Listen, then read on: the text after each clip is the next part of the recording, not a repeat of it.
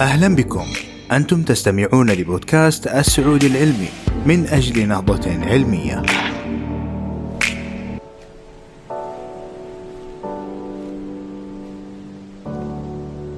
يدرك معظم الناس أنهم معاقون إدراكيا عندما تنقصهم الراحة. فكلنا مررنا في وقت أو آخر بشعور الترنح الفتور والتشويش أثناء محاولتنا للبقاء مستيقظين في اليوم التالي لليلة بدون نوم. ولكن ما لا يدركه معظم الناس أن لنقص النوم تأثير بسيط على الحياة الاجتماعية أيضا ولكنه مهم. وفي دراسة حديثة لعالمة النفس إيمي جوردن وزملائها من جامعة كاليفورنيا في سان فرانسيسكو ناقشت ترابط حياتنا الاجتماعية بنمط النوم. فكلما اضطرب نومنا اضطربت علاقاتنا الشخصية. وبالمثل تحرمنا العلاقات الاجتماعية السلبية مما نحتاجه من النوم. يمر دماغك بأربع مراحل للنوم خلال ساعات الليل. ويتضمن هذا النوم الخفيف في المرحلة الأولى والثانية والنوم العميق في المرحلة الثالثة. ولكن الأهم من بينهم هي مرحلة حركة العين السريعة وهي المرحلة التي نرى فيها الأحلام. حيث يحتاج معظم الناس لإمضاء ساعتين على الأقل في هذه المرحلة خلال الليل ليشعروا بالراحة والوعي الإدراكي الكامل في اليوم التالي بغض النظر عن إجمالي ساعات النوم. وهنا يكمن سبب اختلاف عدد ساعات النوم الكافية لكل منا. وجد الباحثون أن النظام اليومي مهم جدا أيضا فالصباحيين يكونون عادة متيقظين أكثر في بداية اليوم بينما المسائيون في نهايته. فيجب أن تقيم نفسك إن كنت صباحيا أم مسائيا ثم ترتب نشاطاتك اليومية تبعا لذلك قدر الإمكان. وعلى الرغم من أن التأثير الإدراكي لنقص النوم متعارف عليه إلا أن قلة فقط من الأشخاص العاديين وعلماء النفس يولون اهتماما بالجانب الاجتماعي للنوم كما أسمته جوردن وزملاؤها.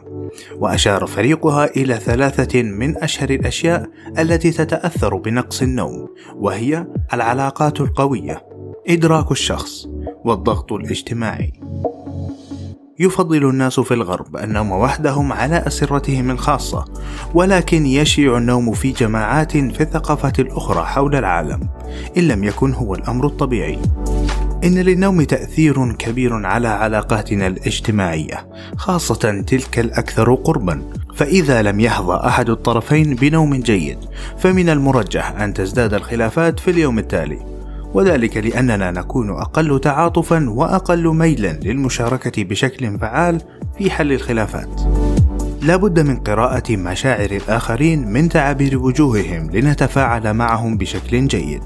ويجد المحرومون من النوم صعوبة بالغة في ذلك، حيث عرضت صور لغرباء على المشاركين في البحث ليقرأوا مشاعر أصحابها سواء كانوا فرحين أم غاضبين فبدت إجاباتهم أقل دقة بعد أن ظلوا مستيقظين طوال الليلة السابقة مقارنة بأدائهم بعد أن ارتاحوا لليلة جيدة لنفس المهمة. من الصعب أن تحظى بليلة هانئة إذا مررت بموقف سلبي أثناء اليوم، كأن تقع في خلاف مع شريك أو فرد من العائلة، أن تكون ضحية تمييز عنصري أو أن تشعر بالرفض. وعلى الرغم من أنه لا مفر من هذه الضغوط الاجتماعية إلا أن قدرتنا على التعامل معها تعتمد على مدى راحتنا فتنظيم الانفعال عملية تقوم على إعادة تقييم مشاعرنا ومحاولة وضعها في منظورها الصحيح. ويحتاج ذلك لجهد كبير لن نملكه ببساطة إن لم ننم جيدا. وهنا تبدو لنا الحلقة المفرغة لنقص النوم والخلافات الشخصية مرة أخرى. وفقا لجوردن وزملائها فإن أكثر من ثلثي البالغين الأمريكان لا يحصلون على قسط كاف من النوم. فهم مشغولون بأعمالهم أكثر من أي وقت مضى ولكنهم يجدون وقتا لأنشطة جانبية تزيد من الضغوط بدلا من تخفيفها مثل الرياضات التنافسية أفلام الأكشن والإثارة وألعاب الإنترنت الحماسية.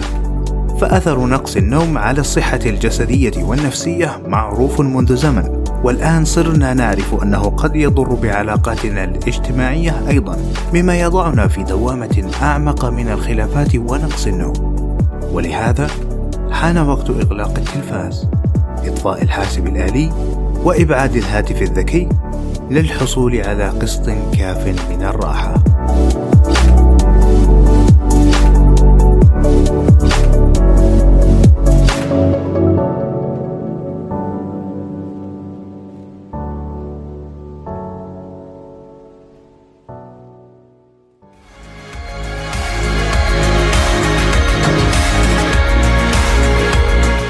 كنت معكم عبد الله السعيد من مجموعة السعود العلمي.